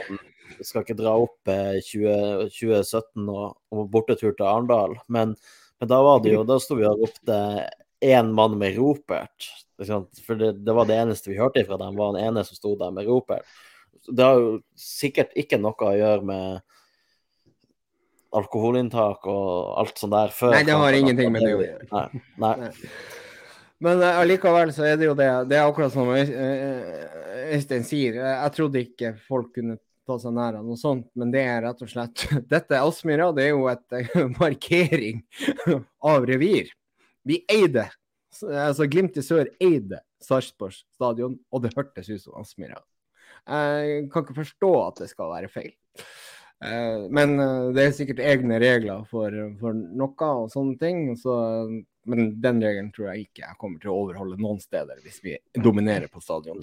Men jeg, jo- jeg er jo ikke ekte supporter. Jeg spiser Nei, ikke jeg heller. Jeg er jo ikke- og rødvin og sant. Hadde også Bocco før kamp borte mot Roma. ikke sant? Det er liksom det er, ikke, det, er ikke, det er ikke kebab til 80 og balaklava på hodet og raketter i ræva. Det, det gidder jeg ikke. Nei, det er sixpence og barberblad i, i Bremmen. Noen som har sett Peaky Blinders. Nei. Um, altså uh, Ja, jeg kan jo bare ta en greie. da Bare i forbindelse med akkurat det der, så var det jo da at Vålerenga-fansen og Lillestrøm-fansen var jo veldig, var jo veldig, uh, veldig morsom da. ikke sant? Han joika til oss. Altså, det er jo mange år siden da. Det var før det var, det var feil. Altså, det ble veldig galt å gjøre det. Så, eh, men da joika vi tilbake. Da ble det Ja. stilt over det. Så det har litt med hvordan man tar det å gjøre òg. Og så kan man mene at det er krenk og rasisme og sånne ting, men synes, akkurat der og da så syns vi det var helt riktig å gjøre det. Og så får noen anmelde oss for at vi synger 'Dette er Aspmyra', og dette er um, og joiker tilbake igjen. Det må vi vel egentlig bare kunne, kunne stå for. Jeg ville vært med på Ullevål at det er vi som starta joikinga òg, faktisk. Bare som preventiv. Men, men, Ja, det, det, det har ingenting med noe å gjøre, det heller, sant? Altså litt Liten Neida. øl før kamp, nei. Nei, OK. Eh, Nei, skal vi, skal vi gå på, på Raymond sin elver og så ha det som avrunding av episoden? Jeg føler at vi er litt på tur inn til landing. Ja, eh, vi er jo det. Er det no, eh, dere har ikke kåra Glimts beste? Og mm. Jeg har sagt Bris. Men Bamkomo. Han fortjener etter den dritten jeg har gitt han i løpet av hele år. Ja, jeg er enig i at Bris var veldig god. Altså det var, det var på en måte ingen som var sånn outstanding. Altså, Joel tidvis veldig god. Eh, Pelle klinisk. Salt, Saltnes egentlig, kanskje, for han kommer til så mange eh, muligheter uten at han skårer, men han kommer jo til mulighetene. Eh, Og så syns jeg Saltnes går frem som en leder, og så er tydelig sånn ro ned, hvil med ballen i laget, få kontroll på kampen, går foran sånn sett. Eh, Nei, jeg gir det til Bris, jeg òg. Nei, Saltnes. Jeg gir det til Saltnes. Jeg gir det til Saltnes. Vet du hva? Der er Eh, jeg uenig. Uh, han kan ikke få den. OK, greit. Eh, Det, du, det, du er stå for det sjøl, men det er faen feil. I, I dag er han litt eh, tynn, men jeg gir han Amundsen i dag pga. at han spiller seg opp, viser mentalitet. Og så er jeg en sånn som elsker å se de pasningene han slår der. Liksom å, å ha evnen til å variere sånn at Glimt blir farlig på flere måter. Nå har han hatt to likedanne pasninger, og begge var vel på bris, var det ikke det? Så det har blitt mål ut. Så det har vært sånn Mm. hockeyassister. Klin lik. Så eh, det er litt godt å få de her Runar Berg-pasningene i, i bakrommet igjen. Pluss at han er så jævlig konstruktiv i ballen. Ja, og så vil jeg si en ting til jeg kom på. Det er at eh, Jeg syns jo han eh, Espejord, når han får den på bakre helt på slutten, så han prøver å klinke til på volley, med forsvarsspiller som kommer springende med ryggen inn i situasjonen, der kan du faktisk bare ta, ta en touch og legge han død og breise han i mål, i stedet for å ta han på volley. Den, den frustrerte meg litt. Hvis dere husker Det det. er litt, Ja, det er litt innbytterpuls der. Men, uh, Ja. men allikevel så er det jo veldig hardt, og det er viktig. At det er hardt. Han, og det er Ja, det er litt sånn, får litt av følelsen å gå etter, eh, etter stjernemålet, liksom, i stedet for å bare ta, ta en Og Ulrik sto jo også på, på 45 og var litt frustrert der. Han kunne jo lagt han til han òg. Mm. Ja. Men um, eh, hvis det er noen som har A-en oppe, jeg har ikke sett børsen som eh, tidligere. Skal vi ta en sånn runde som vi tok etter podden sist, Raymond, eller skal vi la være? Det kan du bestemme. Nei, vi kan jo gå på eh, at det ikke blir så langt. Så kan vi gå på Ja. eh, drøm, drømmelaget. Så kan vi ta det her. Det neste gang. Ja. Gjett elveren. Nå er jeg spent, Reman, Hva har du funnet for oss? skal vi se, Hvis jeg sier at keeperen til motstanderen var Origi, hvem dere tenkte var det? Lillestrøm. Ja, Det tenkte dere helt sikkert, men det er altså uh, Ullkisa. Å, fy Det- faen! Og uh, det er Ja, ja, ja. 2012 ja, ja. på bortebane. Eh, og datoen er da eh, 6. mai. Se OK, da begynner vi. Hæ? Vent litt. Ja, Glimt vinner 3-0. Skal vi se. Uh, skal jeg starte klokka? Er det 2012? 2012, ja. Får vi ett minutt? Ett minutt fra. Uh, og, så skal, og så gjør vi bare sånn som er på indre bane. Jeg sier hvis dere treffer, så dere ikke prøve å prate så jævlig med munnen på dere. hverandre. Ja, men du må bare si ja. Ja, OK, da starter jeg nå. Pa- Pavel. Stemmer. Thomas Jacobsen. Um, Stemmer. Ulrik Bergland. Uh, feil. Per Werner Rønning. Feil. er vi på Thomas Rønning? Um, Eh, Bråten. Vegard Bråten. Vegard er Bråten. Bråten er der. Bro Thomas Bråten. Thomas Bråten er der. Christian Berg. Er Uh, der. Christian Berg. Eh, Daniel Berntsen. Eh, er ikke der. Faen. faen? Um, Tom- er, er Jan Derek der? Nei. Nei, Jan Derek var i er- 11. Ja, da- da- Men dere har en storkanon dere ikke har tatt. Badou. Badou. Badou Badou er der. Og, og da er vel sånn vi gjør. Sané. Og Sané. Sané. Um, øh, hva faen flere? 2012. Det, det Willis Forko. Ibalajab, Willis Forko, Tommy Knarvik. Ja, OK, du får han Knarvik. Det var to sekunder over. OK, greit. Ta hele laget. Yes. I mål, da. Pavel Ondak. Ja. Eh, høyreback. Han hadde vi. Imingen. Imingen på høyreback. Oi, hva han enda sa vel ikke dere? Nei. Nei. Thomas Bråten. eh, Ja, den hadde vi. stopper. Eh, Mm. Kristoffer Wemberg som står for. Å, den hadde vi ikke tatt. Thomas Nei. Jacobsen på venstre, står det vel her. Han hadde er vel sikkert på høyre. Eh, Badou hadde dere. Dere hadde Jacobsen òg. Eh, Knarvik fikk dere litt på sånn eh, Ja, det var hjelp her ba, ba, ba, basketskåring. Eh, Christian Berg hadde dere. Eh, Jim Johansen.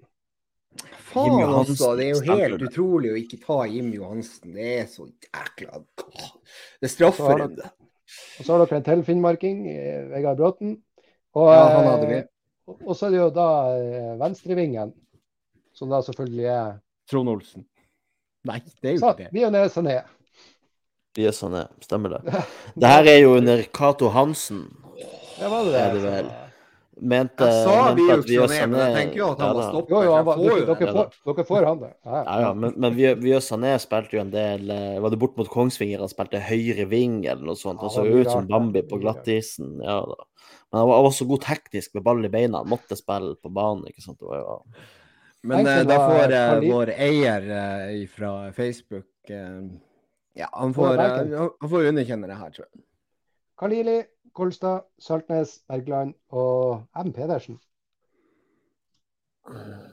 Martin Pe- Pedersen. Jo, Bodø, altså Junkeren-spilleren. eh, Martin Ja. Pedersen, selvfølgelig. Men eh, Bergland hadde man jo Vi hadde jo alle de på benken utenom M. Ja. Pedersen. Så, hvor mange, Eh. hvor mange tok vi da? Vi tok jo Londak, Imengen tok dere vel. Bråten tok Ja. dere. Jacobsen tok dere. Badou tok dere. Knarvik tok på basketskåring. Berg tok dere. Og Vegard Bråten tok dere. Åtte stykker. ja, og vi Jeg syns ikke det er så verst. Nei, det er bra. Det er Vi bra. tok vi også. Sané òg. Ja, jeg tror vi tok han Immingen, så, så det var én ut og én inn, så åtte, da. Så vi, vi mangla tre. Mm. Dæven, det er jo Det. Ja, hvem vi da? Bare, bare for å oppsummere.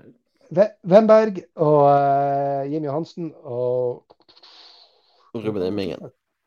Uh, Og Ruben Immingen. Ja, sånn. Mm. OK, greit. Det skjerper seg. Faen. Men, men jeg syns 8 av elleve ikke er så verst, da. Ja, det, det, er bra, det er bra fra 2012. Er en sånn Jeg syns det er kjempebra. eh, jeg, jeg så på uh, Ullkis-saken. De hadde, det, det var noe Rige jeg hørte om, for å si det sånn. Så det var ikke, de, det var ikke gullalderen til Glimt, det der. altså. Nei. Nei, men, eh, men jeg er skuffa. Ja, jeg får reise kjerringa neste Men- gang, som de sier. Det som er veldig, veldig blir gjør meg i bedre humør, det er å gå inn og se på toppskårerlista for Eliteserien. Ja, det er jo 17 mål på Pellegrino, da, som man eh, måtte korrigere reporteren til, Ja. til Sport på. Og hvor langt ned er, er det nå, da, til du er ikke, Jeg sitter ikke og ser på den, da, selvfølgelig. Jeg prøver å lage et bilde for våre lyttere. Uh, men hvem som er på andreplass der? Eh, ja, hvem faen er det? Er det, er det Glimt-spiller, det òg? Det er i hvert fall ikke med fryktelig mye mål på nummer to. Er det det? Altså ti mål på, på Åtte-ni mål på Berisha, noe sånt. Of Ofkir eh, klinka jo i dag, så han er Ja. oppe på ti mål, faktisk. Ja. Og, eh, Og på, han tenk, han tenk, holdt på å si Tengsted er jo allerede på fire. og, eh, Slutt nå. Ikke, ikke snakk om nei, men det er litt sprøtt. altså. Eh, Pellegrino har altså et målsnitt på 1,06. Det er jo fotballmanagertall. OK, nå skal jeg stille, stille et spørsmål eh, til dere to. Hvordan plass tar Glimt i Eliteserien 2022? Vi vinner. Mm. Vi vinner. Altså det er Molde taper Aspmyra. Da er det to poeng imellom. Eh, Molde er også videre i Europa. Og da Mm. tror jeg kanskje vi er Altså, han, Erling Moe begynner å rullere på laget, så går alt til helvete som Mm. vanlig. Så kommer Knutsen, toget starter rull, vi vinner. Ferdig snakka. Jeg tror vi jeg tror vi Men jeg tror det blir, eh, jeg tror det blir close. Eh, Ja, men nå er Rosenborg også oppi, oppi hjerten på oss. De er bare tre poeng bak. Ja, men det har de vært lenge. Det, det er bare å se, Vi var av poeng med Sarpsborg da vi møtte de på Aspmyra. Nå er vi 18 poeng foran. Det, det kommer til å gå like ræv med Rosenborg en periode nå i høst. Det er, ikke, det er ikke noe å snakke om. De blir å ta en Og Viking. De, Og Sarpsborg kan være på kvalik når morgendagen er ferdig. Men det fortjener de. ja, Sarpsborg var faktisk foran oss på målforskjell da jeg gikk opp på Aspmyra i sommer og skulle se den kampen. Men da Gerlok, eh, Ante Gerlok han går for gull. Han mener det er gull. Eh, Øyvind går for andreplassen. Jeg går for gull. Gull. Går for gull. Jeg går også for gull. Uh, Vi er blitt så mye sterkere de siste månedene. Ja, og vi har, kjøpt, vi har kjøpt spillere for 50 millioner. Det må ha noe å si. Altså, vi lå jo fem poeng bak Molde. Eriksen. Og vi lå, fem, vi lå åtte poeng bak Molde mye senere i sesongen enn det vi er fem poeng bak nå i år, eh, altså i fjor. Så det, det ble gull i fjor. Det blir gull i år også. Molde blir å gå på en smell. Vi vinner på Aspmyra. Det er ikke noe stress. Vi tar det. fy faen, det hadde vært deilig. Det hadde vært deiligere enn i fjor. Jeg så jo han eh, Jeg så han den eh, han, eh, han Ja i, i TV 2 skrev i dag at Glimt, hvis de faktisk signerer Grønbæk, så er det snakk om et tiårshegemoni. Og, og, og det er sånn som jeg kunne ha fått til på Football Manager tidligere. Og man har jo aldri drømt noe tid i, i hele mitt liv at noen skal bruke de, de ordene der i ei setning om Bodø-Glimt. Ti års hegemoni. Ja, men altså, dere, nå må dere gå inn på Jonas Klingan sin status på, Twitter-kontoen hans. Og så skal dere spille av den videoen han har tatt opptak av sin TV. For der er det verdens vakreste video. Jeg har, jeg har sett den sikkert 50 ganger. Det er kan, Det er Champions League-hymnen som starter rolig. Og så ser du Ulrik Saltnes i fri utfoldelse. Du ser Glimt-jubel, du ser alt. Jeg, får bare frysninger på armene av å bare høre på det. Jonas Klingan, du tok Jeg prøvde å spole Du tok verdens beste video. Jeg prøvde å spole tilbake på sendinga på TV 2 for å finne den der eh, reklamen eh, for den eh, kampen. Og dere som skal på Aspmyra mot Zagreb Fytti grisen, altså. Dere kommer til å få bare deres helt nye, beste opplevelse når den spilles. Tenk at den skal spilles på Bodø-Glimt. Og Glimt. Ja, det er Det er- Vi skal spille med en drakt med Champions League-stjerna på armen. Og Bodø-Glimt, markedsavdeling, hvis ikke dere har den drakta der ut om få strakser så ja, Men de hører ikke på den poden her uansett. De, eh, det gjør ikke de. Men, eh, eh, men, men uansett så, så, eh, så bør den ut, den drakta der. For vi er sikkert 4000 som vil ha den drakta. Kanskje flere. Jeg skal ha Bodø-Glimt-drakt med Champions League-logo uansett om vi skal spille Europaliga neste år. For den har vi spilt i! Det er det råeste. Det råeste, det råeste.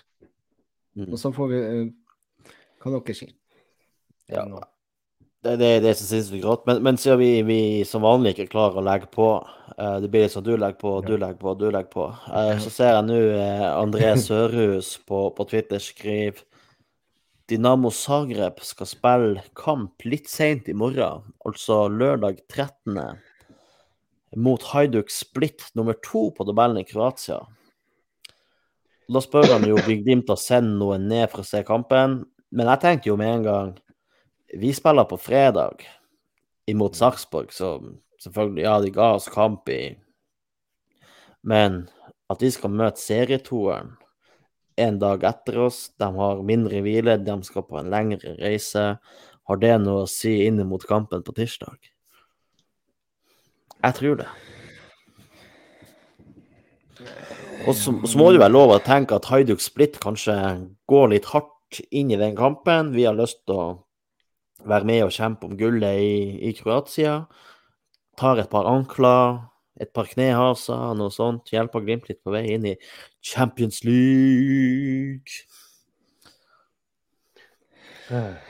Ja, altså det er sant, jeg, Nå skal jeg bare prøve å finne det her. eh, bare at jeg sier Dina, altså, ja, det, jo, det, det er jo veldig ugunstig for dem å ha en så stor kamp rett før. Og det kan jo sikkert gå hardt for seg i eh, kroatisk fotball. Eh, de har jo et temperament som eh, som bare kanskje Sarpsborg og Vålerenga-supportere har. Men hvis du ser på det her, ikke sant? Dinamo Zagreb ble nummer to i Europa League gruppespillet forrige sesong bak Vestheim. Er det en veldig god prestasjon?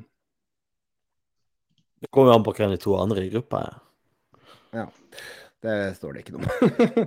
Nei, men, men det er for det er liksom sånn Glimt også kun, var jo nummer to bak Roma, men var egentlig CSKA Sofia og det ukrainske laget så bra, da. Og så liksom ikke for, å ta, ikke for å ta noe av prestasjonene fra Glimt, altså. Men det er sånn, ja, du er nummer to i gruppa, men hvem var de to andre? Du, du vant en kamp og spiller noe uavgjort imot, eller Nå ser jeg øynene går på Raymond, så det er mulig at han kan svare på det her etter hvert. Altså. Jeg driver og søker som faen. Det var ikke ja, det ja, googling. Eh, eh, også er verdensmesterskap i googling her nå. Eh, før det utslags... Eh, før det i første utslagsrunde ble to-tre tap for Sevilla. Rapid, Wien og Genk. Det er sterke lag, det her. Ja, det er sterke lag. Og da er Dinamo Zagreb på 10 poeng, Rapid Wien på 6 og Genk på 5 og Westham på 13. Ja, ikke sant. Ja, ja det, det, det, det, er bra. Det er bra. Det er bra. Altså, egentlig så tror jeg Egentlig så frykter jeg jo at vi blir pissa på, men vi har jo alltid håpet. Vi, og det er jo som Øyvind Mytting sier, vi har jo AstroTurf. Og det er meldt peise, det er meldt vind og, og regn og kaldt og kjølig på Aspmyra på tirsdag.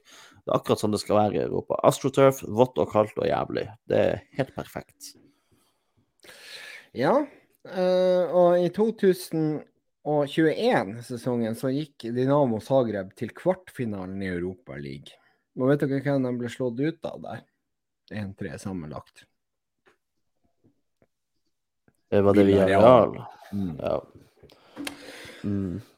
Så det er ikke noe det er ikke noe altså, tror, vi skal møte jeg tror vi vinner på Aspmyra uansett hvem vi møter. nesten. Ja, men Hvor mye må vi vinne med på Aspmyra for, for, å ha sjanse? Eh, det, er akkurat, det er akkurat det. For Derfor ja. ville jeg egentlig ha hatt med kamp i, i, Kroatia først. For Det ville ja. betydd at eh, de hadde slått oss 2-0 og vært fornøyd med det, antageligvis. Ja. Kommet til Aspmyra og kunne ha gått på et skikkelig bananskall der. Nå kan jo de, vi komme i den situasjonen at uh, la oss si at vi går opp i 1-0 eller 2-0 og spiller bra, så vil eh, kanskje Dinamo Zagreb ha nok kvalitet i laget til at de kan stenge av og ta det der på hjemmebane. liksom. At de kan ha den taktikken.